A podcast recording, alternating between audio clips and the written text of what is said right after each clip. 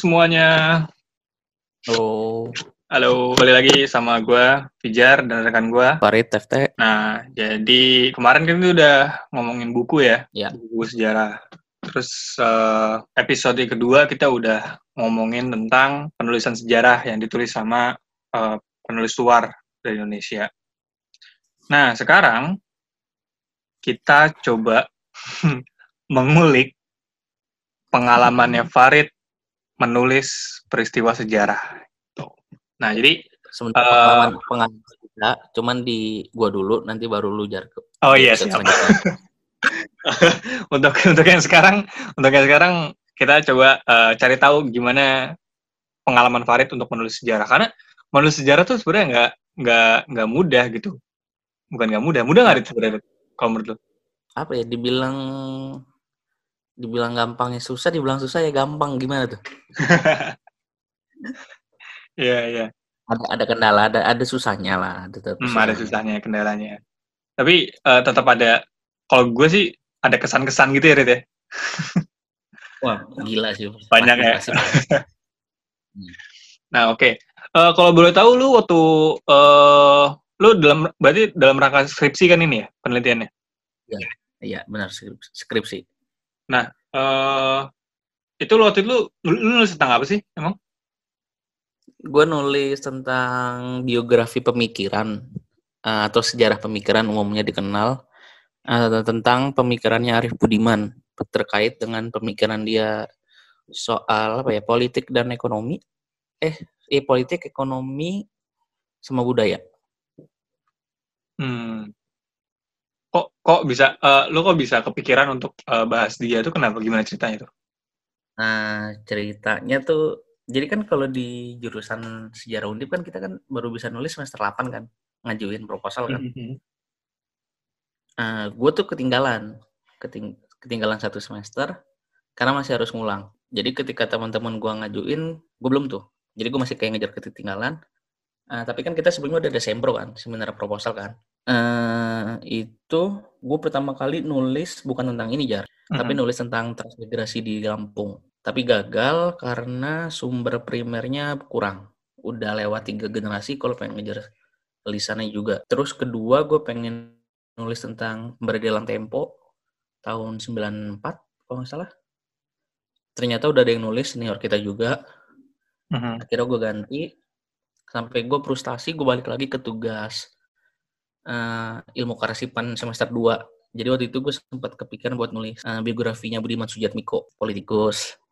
Mhm. waktu itu gue kepikiran karena eh, apa ya ya dia kan salah satu apa ya salah satu pijakan awal kita kalau pengen ngomongin reformasi ya. Walaupun eh, banyak perdebatan tapi oke lah. Gue kepikiran waktu itu untuk menulis dia karena menarik gitu apa yang dia perjuangkan ketika reformasi dan apa yang dia lawan eh, ketika dia sudah ada di tampuk kekuasaan eh, malah berlawanan gitu.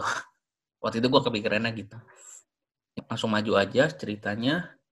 Gue belum ngajuin karena gue masih harus ngulang. Ikut di angkatan lu gue ngulang-ngulang tuh perbaikan gitu-gitu kan. Iya sering ketemu kayaknya kita. Iya kan. Terus eh, jadi suatu waktu gue lagi kebagian udah lagi dapat ini, dapat job eh, kayak mandu bukan mandu wisata juga sih sebenarnya. Jadi ada teman gue dari Lampung lagi main ke Jogja bawa tim futsal eh, pro, tim pro. Dia kayak minta pendapat gue gitu untuk eh kita lagi main di Jogja away days. Nah kira-kira ke mana aja ya tempat-tempat wisatanya? gue ceritain akhirnya gue disuruh datang ya udahlah gue datang nginep ngikut pulangnya gue dapet duit gue main ke ini Taman Pintar Jogja kan beli buku Mantap. ya kan Iya iya.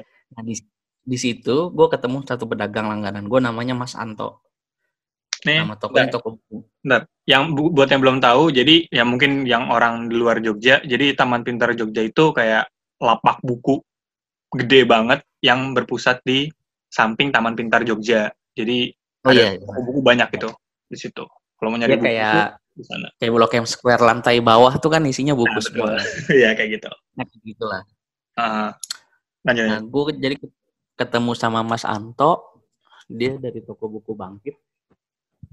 Uh, jadi ngobrol dia memang memang orangnya depan baca dan ini kan apa talkatif juga gitu kan. Dia nanya, ah, kamu mahasiswa mana mas? Ya gue bilang gue anak sejarah undip. Oh sejarah maritim. Iya tapi saya nggak nulis sejarah maritim sih mas. Oh iya kamu nulis skripsi apa? Waktu itu gue karena kepikiran Budiman Sujatmiko. Ya udah gue keluarin aja Budiman Sujatmiko mas. Ah terlalu kekinian itu mah masih hidup juga masih aktif juga di politik kenapa nggak nulis Arif Budiman aja dan ini yang keluar pertama kali di otak gue. Arif Budiman kakaknya Sogi, Mas. iya. Udah gue cuma titik di cuma di titik itu doang aja. Hmm. Pertama kali tahu Arif Budiman karena gue jauh sebelumnya kan memang baca Gi kan. Dan gue tahu kakaknya Arif Budiman. Udah itu doang. Uh, dia jelasin tuh kayak Arif Budiman dulu tahun 80-an pemikirannya seperti ini, seperti ini, seperti ini menarik dia ditulis orangnya ada di salah tiga lagi sakit memang jadi sepanjang pulang dari situ sampai ke Semarang tuh gue motor kepikiran tuh ini orang siapa? Gitu ya Arif Budiman. Kayak orang jualan buku aja tahu dia gitu ibaratnya. Ehm, pulang dari situ setelah apa setelah ngulang mata kuliah perbaikan gitu-gitu gue akhirnya ngobrol-ngobrol sama beberapa senior beberapa dosen tentang Arif Budiman. Dia bilang salah satu salah satunya uh, dosen itu jadi pembimbing gue Pak Jihan. Dia bilang kayak apa apa mas kamu coba aja cari tahu dulu kamu gali pemikirannya. Kalau memang menarik bagi kamu ya udah lanjutin. Ya udah tuh gue dua tiga bulan gue ngumpulin segala macam arsipnya dari buku baca-baca di internet sampai akhirnya gue yakin kalau itu bisa ditulis gitu.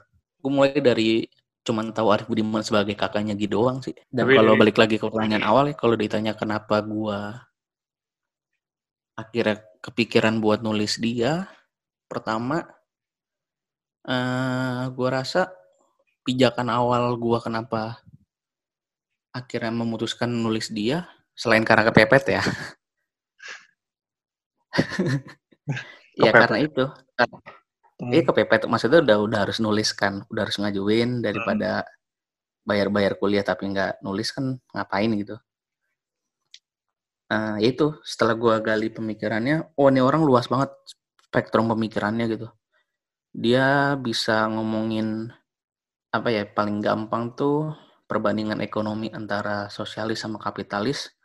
Ngambil contoh Korea Utara sama Korea Selatan, dicari titik tengahnya di kalau diterapin di Indonesia gimana? Terus oh dia cuma ngomongin hal-hal besar oh ternyata nggak juga. Dia ngomongin juga uh, tukang becak yang digusur. Eh bukan digusur tukang becak yang nggak boleh jalan di jalanan utama Salatiga dia ngomongin juga. Terus juga dia ngomongin budaya dia juga salah satu orang manifestasi eh, manifest kebudayaan kan Manikebu menurut gue ya nggak ada alasan buat untuk gak nulis sih. Apalagi uh, banyak di sekitar gue ketika gue tanya siapa Arif Budiman yang mereka jawab juga sama dengan jawaban pertama kali gue sampaikan ke Mas Anto itu mm-hmm. Arif Budiman kakaknya Sohokdi udah itu doang I, itu sih alasan gue kenapa akhirnya nulis Arif Budiman ya Hmm, iya iya.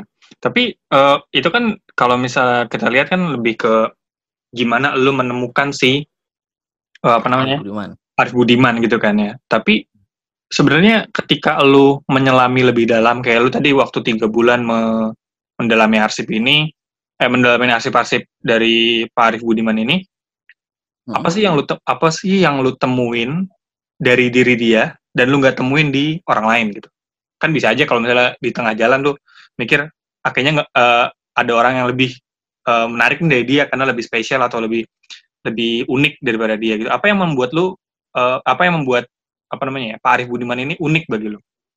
Uh, itu tadi gue bilang uh, sempat gue jawab tuh kan kayak misalkan gini deh cara-cara paling gampang cara paling gampang ini bagi gue ya misalkan kayak lu tau Budiono kan Budiono wakil presiden oh iya wakil presiden dia kan jauh sebelum itu kan uh, dosen di UGM kan uh-huh. dosen UGM sempat jadi apa deputi eh deputi gubernur Bank Indonesia. Bank Indonesia, kalau nggak salah ya. Bank Indonesia sih? Dan memang sepanjang hidupnya dia memang di bidang ekonomi kan. Mhm. Nah, gue gue nggak melihat Pak Arief Budiman itu cuma di satu sisi gitu doang. Maksudnya dia dia dia punya banyak pemikiran di banyak di banyak hal gitu. Dia bisa ngomongin sosiologi, dia bisa ngomongin psikologi, dia bisa ngomongin soal pembangunan, dia bisa ngomongin kebudayaan, entah itu sastra, entah itu film. Selain itu juga salah satu yang menarik menurut gue setelah gue itu sepanjang hayatnya dia tuh nggak memisahkan diri dia sebagai aktivis tapi juga sekaligus ilmuwan dan Hmm. jarang orang-orang seperti itu gitu maksudnya kayak aktivis dan ilmuwan kan atau apa ya ak- aktivis dan istilahnya cendekiawan itu kan nggak bisa berjalan dengan berbarengan kan Hmm, yang satu teoritis, eh satu yang teoritis, yang satu praktikal gitu ya. Ya yang satu eh, adanya di jalanan yang satu rumahnya di atas awan gitu kalau kata Hmm. Rendra Ah. ya kan tapi Arif Budiman bisa ada di tengah-tengah situ dan Hmm. cukup panjangnya dari tahun 66 sampai 98 sampai 2000-an awal tuh dia juga tetap ada di jalur itu gitu. Ya, ya. itu sih kalau kalau bagi gue kenapa yang Apa beda ya misalkan unik gitu ya, yang beda. Dan tadi kan lu Iya. sempat bahas juga kalau misalnya gimana dia eh, membahas dari yang skala besar sampai skala kecil gitu ya. Menarik sih, ya nomor dua itu. Karena yang namanya pemikiran itu kan eh apa ya? Biasanya kan hanya bers- berkutat di hal-hal yang besar kayak misalnya ya teori ya tadi cendikiawan-cendikiawan yang berada rumahnya di atas awan itulah yang digambarkan. Jadi kayak mengawang ide idenya Ya, tuh bersifat atas gitu loh. Nah, tapi kalau misalnya dia udah Iya. membahas tentang hal-hal yang kayak tukang beca atau eh apa namanya masyarakat umum kebanyakan itu kalau gue menarik sih emang. Keren. Iya keren. dan sa- salah satu salah satu yang menarik juga gue lupa bilang kayak ini orang kan ya terkenalnya kan salah satu awalnya kan se- selain Mane Kebu ya Nah, pasca Orde Lama turun dia naik kan mendukung berdirinya rezim Orde Baru kan Mhm. tapi Ya, dia mulai termasuk tahun angkatan 68 mantan ya? termasuk angkatan 66 Mhm. walaupun udah nggak ja- ya, iya angkatan 66 tapi sejak 68 69 itu sampai orde baru turun dia selalu ada di posisi bukan gua nggak bisa bilang dia berseberangan sih tapi lebih ke mengkritisi jalannya orde baru gitu. sangat mengkritisi gua gua soalnya gue pernah nemu salah satu tulisan dia dia nggak pernah bilang dia anti dengan Soeharto tapi dia lebih melihatnya kayak kayak apa ya kayak orang sekitar sekitar Soeharto itu yang jelek bagi dia ya walaupun di banyak tulisan lainnya dia juga sangat mengkritik Soehar- Soeharto secara keras gitu Hmm, menarik, menarik. Itu eh, pas eh, ketika udah masuk ke tahap penelitian itu, lu sumber-sumber yang lu pakai sumber sumber apa aja tuh? Selain selain, selain tulisannya dia ya, pasti wawancara kan? Atau ada Eh, sumber ya. yang yang Nah, gue cerita kumpulin lagi? gue cerita dulu kali ya kalau tuh nemuin tulisannya pertama kan Gimana, tulisan gimana? dia lama, lama ya tahun 90-an itu buku buku-bukunya diterbitin dia juga nyarinya susah susah banget Eh, online belum banyak yang jual karena karena langka terus juga gue nyari-nyari di koran Kompas Sinar Harapan kayak di majalah Mimbar Indonesia ya Mimbar Indonesia ada juga. Selain itu apa lagi ya? Oh gue banyak ketolong ini. Pusat informasi Kompas sih. Yang di Semarang? eh, yang di Jakarta. Oh iya. Eh, jadi kan dia ya jadi kan dia banyak banyak nulis di Kompas si Arief Budiman dari awal Kompas berdiri karena dia cukup kenal dekat dengan PK Oyong kan Hmm. Yang kader bahkan PSI itu ya? eh, rumah dia yang di salah Eh, iya nggak sih? kenapa PKO yang kader ke PSI? Oh bukan, oh sorry sorry, Relsian Anwar itu. iya Nggak, gue kira ang- Eh. eh, keingetnya PSI terus. Jadi si Arif Budiman ini bahkan rumahnya di Salatiga, eh, uang cicilannya salah satunya dari Kompas, dibayar dengan honor nulis. Jadi lu kebayang nggak banyak tulisan dia di Kompas? Tapi jadi gue banyak nemu di Kompas itu hampir sekitar lebih dari 600 600 artikel terkait dengan tag Arif Budiman ya. Mm-hmm. Entah itu dia nulis, entah itu orang yang nulis tentang dia gitu. Wow. Gue cukup ketolong di situ sih, walaupun banyak makan waktu buat baca dan milih-milihnya. Dan itu lu dan itu lu kumpulin dan lu arsipkan pribadi kan? Iya. Itu kena berapa tuh? Nggak bisa bilang gue. ini biar, biar ini biar orang-orang pada tahu nih kalau misalnya penelitian sejarah itu nggak murah coy. ya, satu artikel bisa tiga ribu sampai tujuh setengah. Artikel tiga ribu tadi berapa? Enam ratus eh enam puluh berapa? Tiga ratus artikel? Iya. Waduh. Enam ratusan. Enam artikel tuh. tuh. Hitung sendiri guys. Berapa tuh ongkosnya? Nggak, tapi uh, menarik sih itu kalau uh, itu kan sumber-sumber arsip ya tentang tulisan dia, pemikiran dia dan lu nah. baca sesuatu. Lu kalau misalnya terkait sama uh, apa ya lingkungan pergaulan dia atau apa segala macam, lu kumpulin juga berarti? Gue kumpulin, tapi uh, ada kendala di umur kan. Jadi, hmm. kan lahir tahun 41, eh teman-temannya kan di sekitar gitu ya umurnya. Kayak gue sempat pengen karena primer gue gue rasa udah cukup kuat, gue perlu penguat yang lain kan kayak cerita lisan misalkan atau sumber lisan gitu uh-huh. Mhm. uh, gue pertama kali ngubungin keluarganya kan begitu pokoknya selang tiga bulan setelah gue ngumpulin arsip dia gue datang tuh ke rumahnya ke salah tiga kan jadi pertemuan pertama gue juga tuh ketemu dengan Arif Budiman nah ternyata Arif Budiman udah di kursi roda doang ngomong udah susah gue bahkan masih inget dia nyapa gue tuh cuman kayak say hello doang. Hmm. Jadi detik itu juga gue yakin kalau gue nggak bakal bisa wawancara dia kan. uh, eh, gue sempat ngobrol sama istrinya, itu jadi jadi sumber wawancara gue juga, tapi cuman bisa satu kali karena Pak Arif Budimannya sendiri juga kayak hampir berapa ya sebulan dua bulan sekali gitu sering masuk rumah sakit namanya udah udah tua juga kan dia menderita Parkinson itu hampir 10 tahunan. 10 tahun. Sejak oh. 2010 apa nggak salah ya. Iya. Akhirnya gue ngakalin ke pergaulannya kan. Uh-huh. Orang pertama yang gue hubungin itu Gunawan Muhammad. Hmm. Gunawan Muhammad dosen ya? Dosen UI ya? Eh? Enggak, Gunawan Muhammad tuh ini Pemret Tempo. Oh iya, oh sorry, sorry, sorry. Iya, iya. GM, GM, GM. Iya, gua gua keinget tadi Senogumira. Iya. yeah. Sorry, oh, iya. Yeah.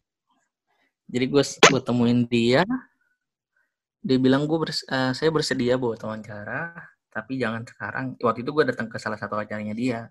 Terus kan gue pikir ya siapa juga yang mau wawancara sekarang kan. gue cuma minta sediaan dia gitu. Oh iya, terus dikasih kontak sekretarisnya. Uh, sampai gue lulus, alhamdulillah tuh nggak pernah kesampaian. Sampai akhirnya tiga bulan sebelum gue sidang, ada satu judul satu judul buku terbit. Namanya Melaw Arif Budiman melawan tanpa kebencian. Itu kumpulan tulisan orang terdekatnya dia.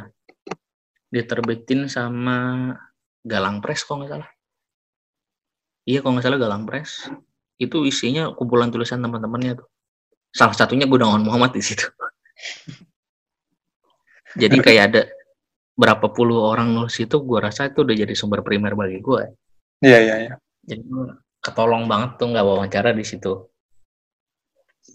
Nah, hmm. satu bulan sebelum sidang, gue nggak sengaja ngelihat info di Facebook.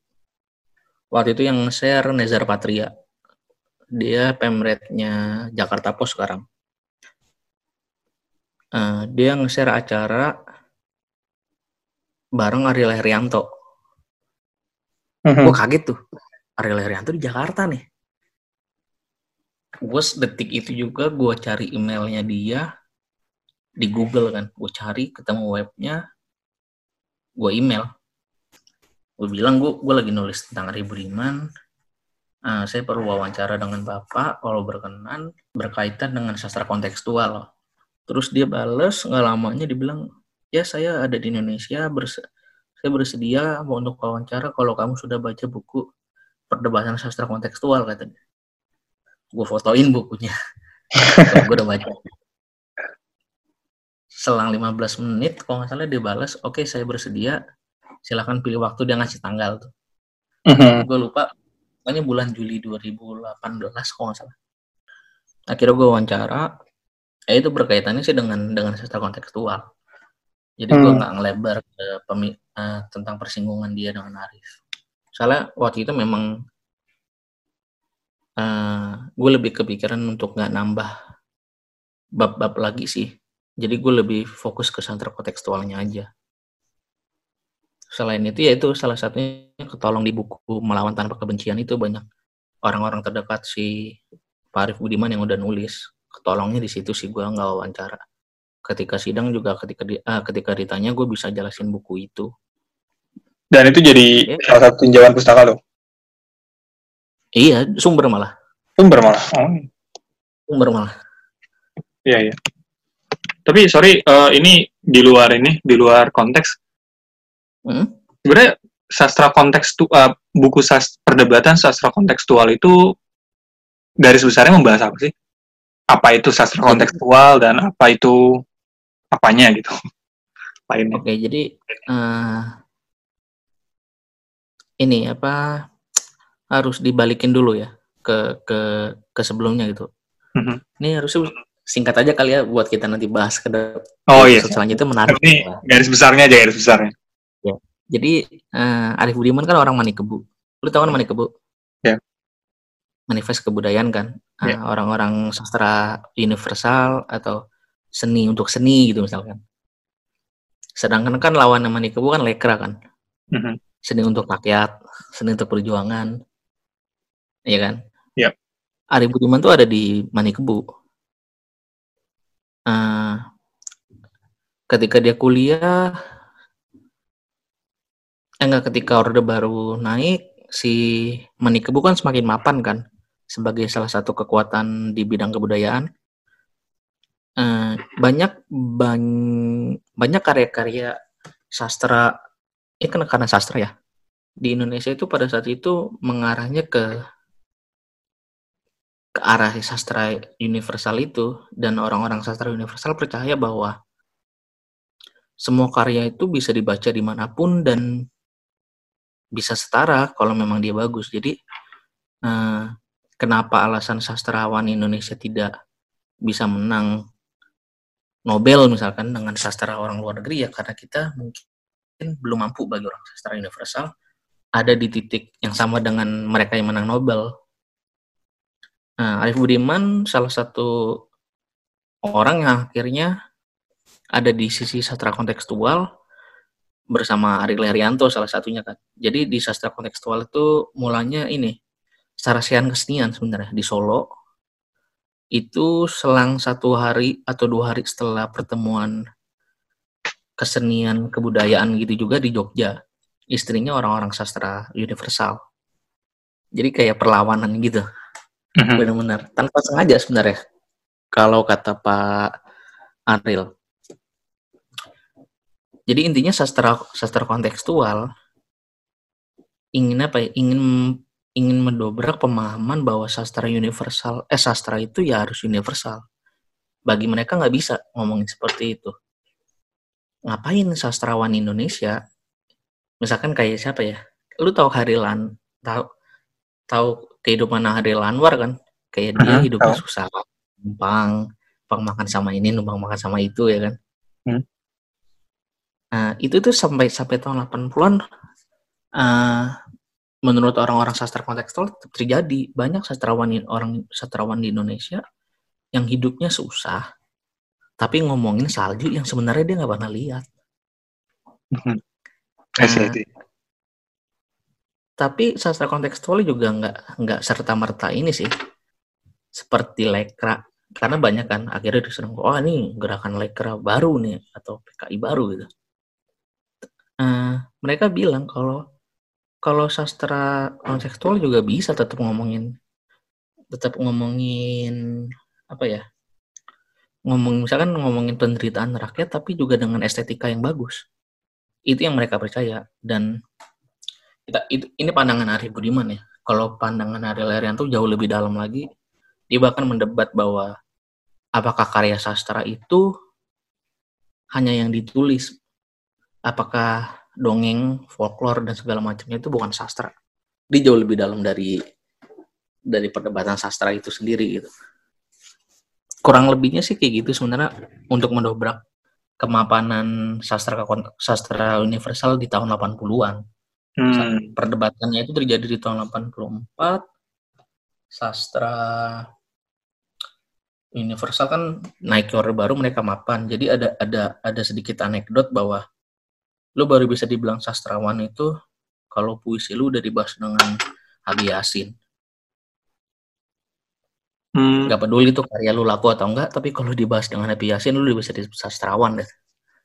Oh mungkin mungkin itu yang membuat Habib Yasin dijuluki Paus Sastra Indonesia kali ya? Iya, Paus Sastra kan. Paus Sastra Indonesia, iya. Uh, iya tapi sorry gue jadi uh, jadi ngebayangin sebenarnya si, uh, sastra universal itu berarti mengarahkan ini ya mengarahkan patronize di sastra nggak sih jadi jadi kayak punya standar baku di sastra gitu nggak sih iya iya iya jadi gitu secara ya? secara ya, tidak langsung iya dan dan itu kan apa kayak kayak jadi satu legitimasi bahwa apa yang disebut sastra ya yang ada di lingkungan-lingkungannya itu, hmm. lingkungannya si Yasin misalkan. Ada sedikit istilahnya bahwa Arif Budiman gini aja deh, Arif Budiman bilang gini kayak ngapain ngomongin ngomongin yang ngawang-ngawang kalau kalau lu tuh kaki kaki lu tuh nggak berpijak di di di bumi Indonesia sendiri ibaratnya. Jadi sastra universal kan bagi mereka sastra mereka tetap bisa dinikmatin di Amerika gitu keadaannya gitu ketika hmm. lu baca itu. Padahal kan bagi Arif misalkan atau uh, bagi satu lagi gue lupa salah satu pembicaranya. Romo Mangun juga bilang bahwa uh, karya sastra tuh ya harus harus harus berasal datang dari diri lo sendiri dan harus maksudnya harus sesuai dengan lingkungan konteks lo kehidupan nggak ngawang-ngawang. Itu sih intinya sih. Hmm menarik ya. Ke depannya kita bakal bahas ini sih kayaknya. Soalnya menarik juga perdebatan sastra. Tapi anak sejarah ngomongin sastra nggak apa-apa kan ya? Eh, emang apa men emang nggak boleh? Kita kan iya. Karena anak sastranya bilang ah sotoy banget lu bro. Sama kayak kayak kemarin. Kita kan tentang perdebatan sastranya. Iya bukan, tentang bukan tentang apa tentang ini ya tentang apa namanya uh, masanya ya periodenya. Iya benar. Kalau ya kalau memang ada salah masuk gimana apa yang disebut seni atau itu ya itu itu memang bukan ranahnya kita memang. Iya iya. enggak enggak. Soalnya kan beberapa sejarah kan, eh beberapa sejarawan kan atau uh, beberapa anak sejarah kan juga mengkritik bahwa ya lu kalau misalnya mau baca sejarah ya di buku sejarah. Jangan baca di karya sastra gitu nah ini ibaratnya orang sastra ngomongin sejarah. Nah sekarang kan gantian nih oh, orang sejarah yang ngomongin sastra. Ya bebas aja sih. Iya jadi sama-sama sotoy di ranah masing-masing. Ya nggak apa-apa bukan sotoy sih. Ya kalau misalnya kita punya hal yang perlu didiskusikan mengapa apa ya. Tapi iya. menarik sih. Terus uh, kiranya ada ada ada cerita lain yang yang menurut tuh kayak berkesan banget gitu ketika lo nulis sejarah uh, atau biografi Pak Arif Budiman ini. Apa ya paling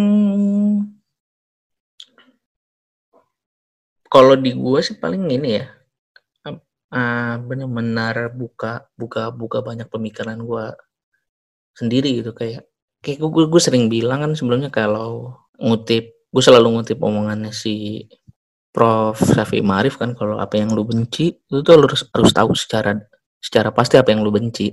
Uh, ketika gue mendalami pemikiran Arif Budiman tuh gue sadar bahwa gue gue cuman bisa membenci Orde Baru tuh secara kulit aja. Ketika gue tahu tulisan-tulisan Arif Budiman, oh gue tahu apa yang sebenarnya gue benci banget gitu misalkan itu itu dari segi pemik dari segi pemikiran bagi gue ya mas tuh uh, bahkan pemik gue bisa bilang bahwa pemikiran gue di sampai detik ini tuh cukup banyak terpengaruh dengan pemikiran Ari Budiman. Dan gue bisa bilang dia sebagai apa ya bapak ideologis gue mungkin. Hmm. kalau dari pengalaman pengalaman sih ya senangnya ya gitu gue ketemu eh salah satu ketemu Ariel Arianto ketemu istrinya Arif Budiman. Terus di salah di buku peluncuran bukunya gue banyak ketemu orang-orang yang selama ini oh ini sih misalkan kayak gue ketemu Pak aduh gue lupa namanya. Eh, dia mantan ini mantan mantan dewan bukan dewan redaksi apa ya? Dewan pers salah satu eh, dia mantan ketua dewan pers. Dia salah satu muridnya Arif Budiman gue waktu itu pengen gue udah tukeran kotak cuman nggak sempet. Um, kontak lebih jauh buat apa ya ngobrol-ngobrol lagi soal Arif Budiman ke dia sih. Gue kan ada rencana buat nerbitin nanti memang ada rencana pengen ini sih ngul- ngulik-ngulik lagi arsip-arsip punya dia. Hmm. Itu sih maksud gue buat ketemu ya nambah-nambah temen gue banyak ngobrol sama anak-anak UKSW juga ngeliat sudut pandang mereka tentang Arif Budiman tuh sisa-sisanya seperti apa gitu. Eh, itu eh Arif Budiman tadinya ngajar di UI ya? Kok tiba-tiba ngajar di UKSW? Gimana Eh, ceritanya? itu? Enggak, dia ngajar di UKSW pertama Kan kali. emang, emang ngajar di UKSW. Eh, maksud gua kan dia lulusan UI kan. Gua kira ngajar di Iya. UI juga ya, berarti enggak. Ngajar di lulus dari UI kan dia lulus, lulus bikin majalah apa tuh? Horizon. Eh bahkan sebelum sebelum lulus dia udah udah jadi redaksi di Horizon, seingat gua. Hah? Iya, udah udah jadi redaksi di Horizon. Eh ya itu kan mulai kritik-kritik Orde Baru juga. Dia dia ngeritik tentang golput aman walaupun dikritik gitu walaupun disentil itu. Dia kritik tentang apa ya misalkan eh, pembantaian-pembantaian PKI misalkan orang-orang dituduh kiri dia masih aman eh ketika dia ngeritik tentang pembangunan taman mini Indonesia baru tuh masuk penjara Hmm.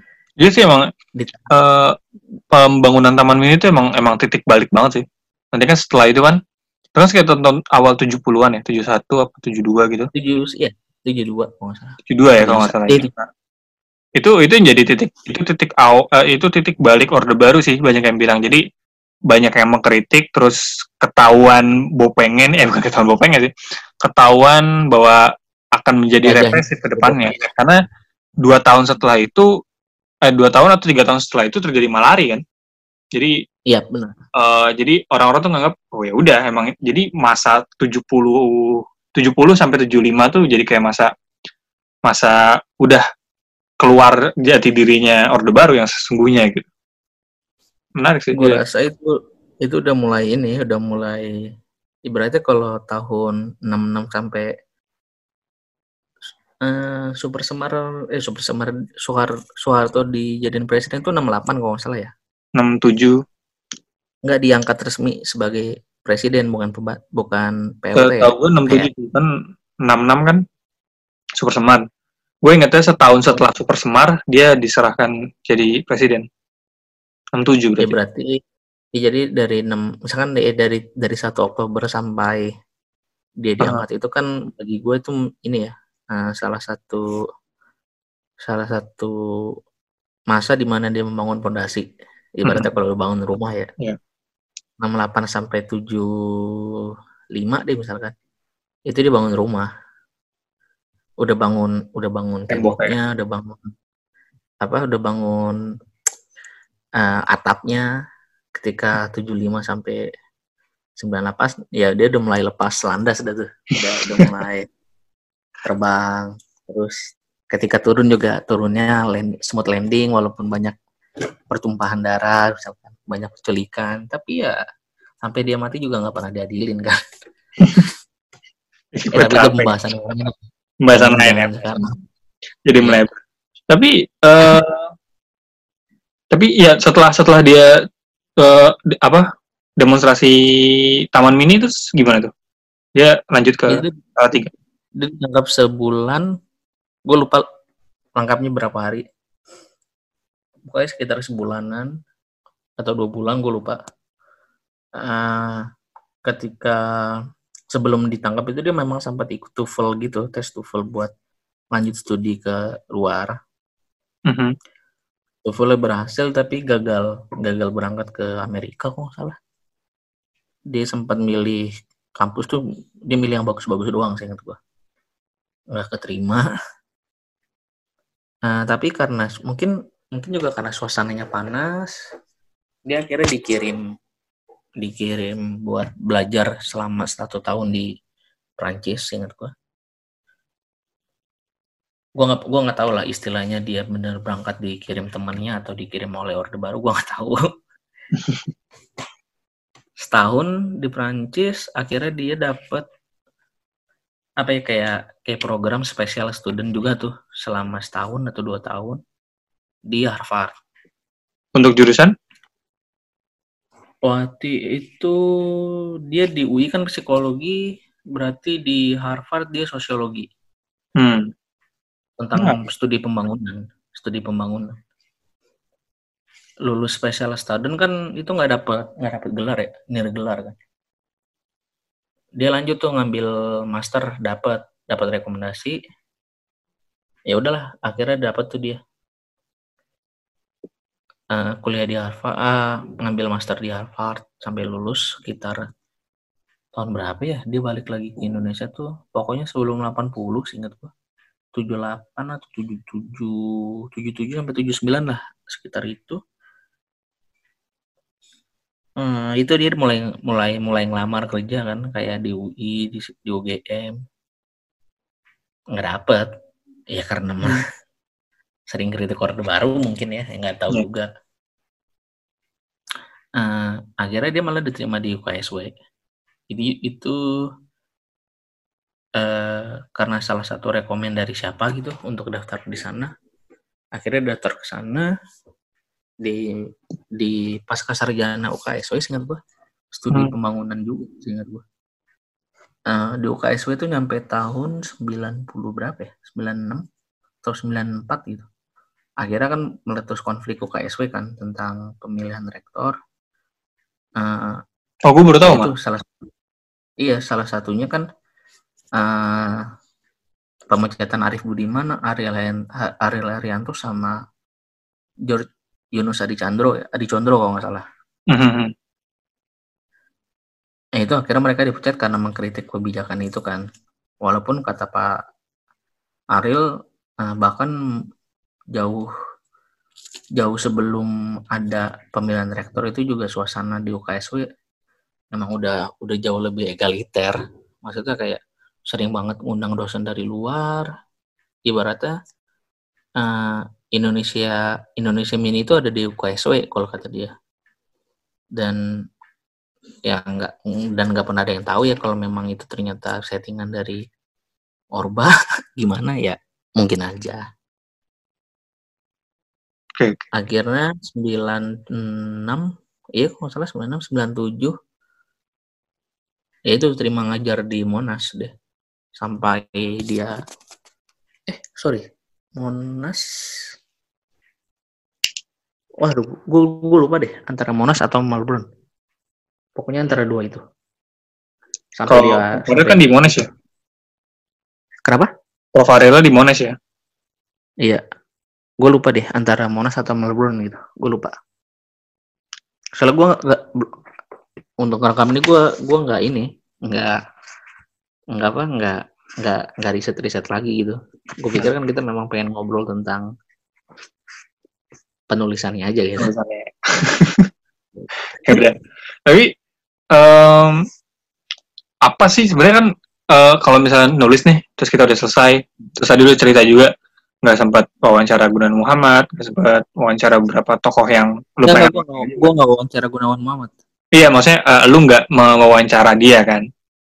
Banyak yeah. yang artinya ada ada beberapa orang yang lu pengen wawancara terus eh, nggak uh, jadi gitu kan? Atau lu baru tahu di akhir dan karena udah apa namanya bab, bab lu juga udah mulai gemuk juga jadi lu nggak nggak nggak nambah gitu nggak mau nggak nggak mau memperluas itu kan nah tapi uh, sebenarnya apa yang ada nggak sih kayak lu ngerasa kayak ada yang kurang gitu dari dari skripsi lu setelah itu jadi.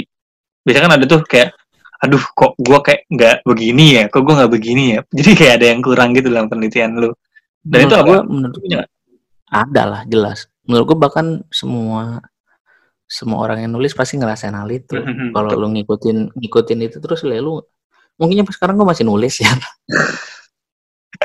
Nggak gue kelarin misalkan ya mungkin ya tapi memang ini sih kayak lu harus harus harus apa ya harus ada di titik kalau balik lagi ke pi eh, ke apa ya ke bab bukan bab satu balik ke niat awal lu nulis maksudnya ketika itu udah ngejawab pertanyaan lu udah cukup ya udah Mhm. toh menurut gua eh, setelah gue pikir-pikir ya untuk apa gue capek-capek nulis 250 halaman kalau gua bisa nulis 75 halaman dan dapat nilai A gitu. iya betul sekali Ya sih kalau memang buat skripsi doang gitu. lu lu dua ratus Kan toh balik- Enggak, ini ini oh ibaratnya ini pertandingan aja ya. Maksudnya kan ketika lu 250 atau 350 halaman gitu misalkan kan ada kan yang nulis kayak gitu. Mhm. Ketika lu nggak bisa mempertahankan Dibanyak-banyakin ya. Kenapa? iya dibanyak banyakin sama dia biar kelihatan tebel Ya enggak ketika lu sidang lu nggak bisa nggak bisa mempertahankan maksud penulisan lu kan itu juga jadi nilai buruk buat lu kan. Mhm. Ya, itu dia sih. Maksud gue selalu kalau kalau dibilang kurang mah selalu selalu selalu pasti kepikiran seperti itu. Bahkan sampai sekarang pun gue masih pikiran, duh harusnya bisa ditulis jauh lebih kayak gini nih. Dan ketika lu ketika kelar lu jalan kan nggak bisa lepas dari lu kan maksudnya kayak gue gue gue masih masih ngumpulin arsip-arsip dia yang gue baru bisa kumpulin sekarang. Wah Hmm. harusnya gue bisa ngomongin ini di sini. Oh ternyata eh, hal hal yang gue tulis di sana nggak sesuai dengan arsip yang baru gue temuin. Dan menurut gue sih itu nggak apa-apa ya maksudnya. kayak Kan- wajar ya Memang itu penulisan sejarah kan maksudnya. Nggak misalkan gini, kayak gue ketemu arsip bahwa tulisan pertama kali Arif Budiman itu SMP dia nulis di Memori Indonesia ketemu HB Yasin di perpustakaan. Nah, judul judul tulisannya eh, Jeki Anjingku. Itu sepanjang tahun 90 sampai 2013 atau 2011 itu dipercayai bahwa tulisan pertamanya Arif Budiman tuh anjing Jeki Anjingku. Tapi gue nemuin arsipnya beberapa bulan yang lalu di perpusnas judulnya Jeki Anjing Tetanggaku gitu. Di skripsi gue, gue juga nulis Jeki Anjingku. Hmm. Ketika gue nemu arsip itu kan kebenaran yang gue tulis kan jadi jadi runtuh kan. iya betul Kebenaran yang baru adalah Jeki Anjing Tetanggaku kan. Hmm. Terus apakah cuman karena kayak gitu yang gue tulis selama ini bohong? Enggak dong. Iya. Iya kan? Itu Iya, nggak maksud gue kebenarannya sementara sifatnya gitu. Sampai ditemukan kebenaran yang baru atau fakta yang baru kan. Mhm.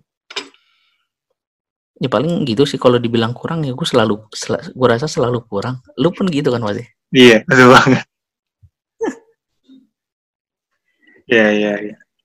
Tapi menarik sih. em, karena lu kan apa namanya menulis tentang seseorang ya, dan Iya. Eh, itu kan artinya lu eh, punya satu apa ya? Mungkin ya, yang tadi lu bilang juga lu eh, banyak pemikiran-pemikiran yang lu jadi terbuka dan segala macem gitu. Dan kalau menurut lu kira-kira sosok seperti Arif Budiman itu apa ya? Lu bakal nemuin lagi nggak sih? Indonesia akan punya lagi nggak sih sebenarnya? Kayak- Sekarang. Hmm, Jadi kayak tokoh-tokoh itu atau apa namanya ya? Pokoknya Indonesia akan punya Arif Budiman, Arif Budiman, Arif Budiman, Arif Budiman yang lain gitu loh. Gue ngebayangin selalu kayak gitu sih. Walaupun Ah, kayak, iya. Gue paham, paham. "Heeh, Gue gue gue bingung sih maksudnya kalau disuruh jawab kayak gitu ya. Mungkin ada satu orang, tapi gue nggak bisa bilang nyamain gitu. mhm, Misalkan kayak Rocky Gerung, misalkan dia nyampe sekarang kan dia masih mengkritiki, mm, selalu mengkritisi pemerintahan, mhm, misalkan ya. Tapi gue nggak pernah nemu tulisan dia secara rutin gitu maksudnya. Iya, iya. Apalagi kan Karena media TV doang kali kayak. Sekarang media mungkin, TV. mungkin mungkin zamannya berubah ya mungkin Ya, tapi gue nggak tahu maksud gue eh, yang yang menarik dari Arif Budiman tuh salah satunya kan tulisan dan kita kan ya no dokumen no history kan kalau bagi kita ya Mhm. tapi jauh jauh dari itu kalau lu membaca tulisannya Arif Budiman sama denger dia ngomong maksudnya ceramahnya atau isi seminarnya itu sama-sama membuka pikiran lu jadi Arif Budiman bisa aja ngomongin tentang teori Marxis klasik tapi ketika itu dibaca dengan tukang beca tukang becanya juga akan ngerti bukan maksud gua untuk merendahkan tukang beca ya. I see. paham? Iya, iya. ketika itu dibaca dengan seorang ilmuwan atau atau intelektual ketika itu juga dibaca dengan orang yang ya ibaratnya pakai baca koran biasa aja orang juga tetap sama ngerti sama-sama ngertinya menurut gua Jago banget berarti ya. penulis yang kayak gitu jauh-jauh levelnya udah jauh jauh banget gitu jauh lebih tinggi bagi gue ya karena dia nggak terjebak di apa ya nggak nggak terjebak di ini Menara Gading ya nggak terjebak di kata-kata saintifik gitu ya. Iya, tau, tau kan lu orang yang dikit-dikit pakai bahasa ilmiah, bahasa ilmiah, Iya, iya, iya. aku aku juga gitu. Nah, dia enggak. Yang yang menarik dari dia sih salah satunya itu. Jadi eh dia selalu mengkritisi pemerintahan siapa pun itu. Maksudnya ketika ketika Orde Baru turun, su, su- siapa? Presiden Soeharto. kita selanjutnya Habibie dia dia kritisin Gus Dur bahkan temennya dia Mhm. jadi eh, teman dekatnya dia salah satu teman dekatnya dia nggak nggak luput untuk mengkritisi itu Megawati Megawati naik juga dikritisin sama dia Sam- bahkan sampai awal-awal karena gue nyampe 2004 ya. Sampai awal-awal pemilihan apa pemilihan presiden pertama itu juga dia terus mengkritisi jalannya jalannya pemilu itu sih. Gue gue rasa ada mungkin ya tapi gue nggak tahu mungkin. Iya, iya. tapi itu yang yang susah sih memang kalau ibaratnya mencari Arif Budiman yang baru orang yang ada di ranah aktivis dan ilmiah secara langsung itu yang susah sih. Kalau kata gue ya. Ya kalau misalkan ini misalkan siapa ya gue juga bingung itu kalau ditanya siapa. Rocky ada tapi, Mas- tapi maksud ya itu gua- gua- kenapa? Iya, maksud gue eh, ketika beliau wafat gitu kan kemarin Hmm. berapa eh, April ya? April apa Maret sih? Iya, 23 April 3 April ya.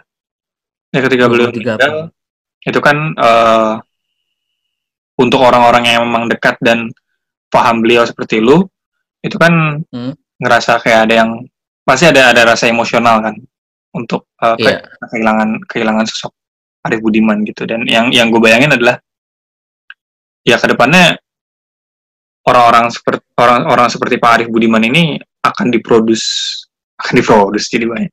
Akan akan muncul lagi kapan lagi gitu loh gitu menurut gue gue ngebayangin gitu sih agar mungkin orang-orang sejarawan-sejarawan di masa depan penulis-penulis masa depan tuh juga punya satu eh, pengalaman apa ya pengalaman emosional juga yang mungkin lu rasain sama eh, penulis apa orang-orang yang terdekat dengan Arif Budiman itu Har- ya harusnya harusnya sih ada ya harusnya ada dan berharapnya sih ada gitu dan Iya, iya. nggak tahu sih gue gue gue percaya percaya ini apa gue gue percaya satu hal bahwa eh, sesuatu yang bersinar tuh nggak datang dari tempat yang terang Mhm. jadi kayak misalkan apa ya ya founding fathers kita datang dari masa masa penjajahan yang kelam misalkan kan Arif Budiman misalkan ya karena dia salah satu yang gua anggap bersinar itu misalkan dia datang dari eh, dia lahir di masa Indonesia tidak menentu kan maksudnya kayak pengen di dia dia lahir di masa pen- pendudukan Belanda beralihan ke Jepang, kemerdekaan. Sekolah juga gitu kan, dia sempat sekolah dah. Di sekolah Tionghoa sampai kelas 2. Begitu naik dia harus ulang dari semester kelas 1 lagi masuk ke sekolah nasional gitu. SD nasional gitu misalkan. Ya mungkin aja dengan adanya apa ya pandemi ini kita satu saat punya pemimpin bukan pemimpin pemikir-pemikir baru karena berada di masa yang sulit mungkin aja. Mhm. Ya, ya, ya. Tapi ini soto ya. Nah, tapi uh, balik lagi ke apa namanya penulisan lu ya, ke apa Hmm. namanya proses menulis lu dalam uh, menulis Pak Arif Budiman ini. Kira-kira uh,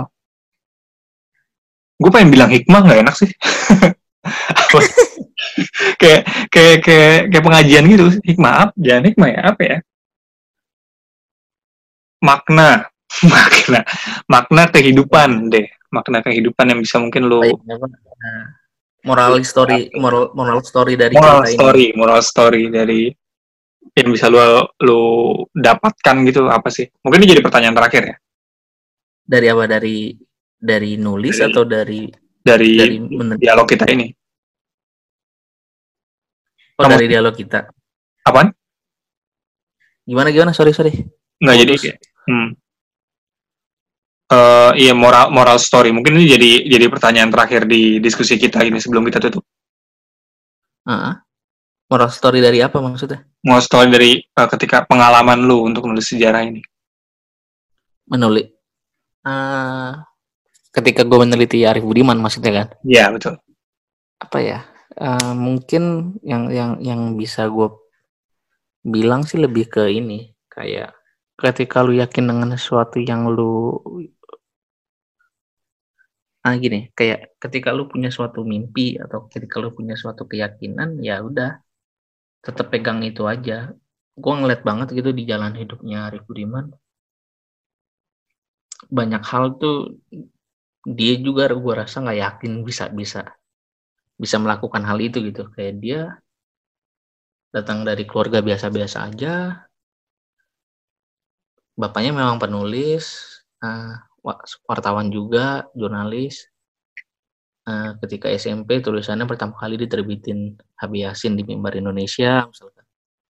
SMA eh, ketemu dengan PK Oyong di Star Weekly karena anak SMA coba nerjemahin tulisannya Albert Camus. Terus kuliah kuliah ikut mani kebu misalkan. Ikut nanda tanginin manifesto jadi musuhnya orde lama. Kuliah nggak punya modal uang pas-pasan tapi berani bawa keluarga bawa anak. Gue yakin kayak apa ya kayak- kayak ya udah jalanin aja dulu hidup mah gitu. Nggak usah nggak usah banyak dipikirin kayaknya sih kalau gue lihat dari dari hidupnya Arif Budiman ya. Yang gue coba yang yang udah gue teliti gitu. Kayak dia dia berhenti ngajar dari 94 sampai 96 itu di OKSW dia nggak terima gaji. Tapi dari pengakuannya dia honor dia dari ceramah ngisi kuliah jadi dosen tamu gitu jauh lebih gede dari gaji dia sebelumnya gitu misalkan. Gue gue selalu ngeliat dia dia kayak memang tipikal orang yang berani jalan aja udah gitu. Kalau memang dia yakin apa yang menurut dia benar gitu. Itu sih Asih, asih. Oke, mungkin ada eh, tambahan dari lu untuk para pendengar, teman-teman. nggak ada sih itu aja paling Itu aja ya. iya Oke, eh, tutup aja Rit, ya, berarti? iya eh jadi terlalu serius gak sih nggak apa-apa ya Enggak, ya nanti kita bahas. Gue pengen ngomong juga soalnya. oke Ya, oke, mungkin itu saja teman-teman dari eh, episode kita hari ini tentang Iya.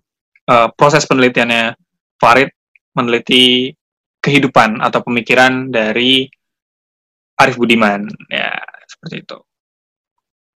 Nah, mungkin kalau misalnya mau kirim-kirim cerita gimana deh caranya deh? Nah, email aja ke podcast masa lalu at gmail.com. Kita belum menerima cerita masalahnya. Iya. Inboxnya masih sepi. ada.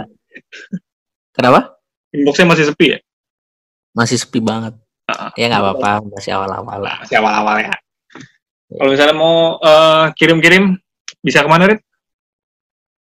Kirim-kirim cerita, cerita itu bisa ke podcast at podcast masa lalu at gmail.com. Bisa dengerin juga kita di platform lain di linknya buka aja di profile Anchor kita anchor.fm slash podcast masa lalu Spotify juga bisa. ya Spotify tinggal di ketik aja podcast masa lalu Hmm. Sip. Oke. Oke. Mungkin itu aja dari kita. Bye bye. bye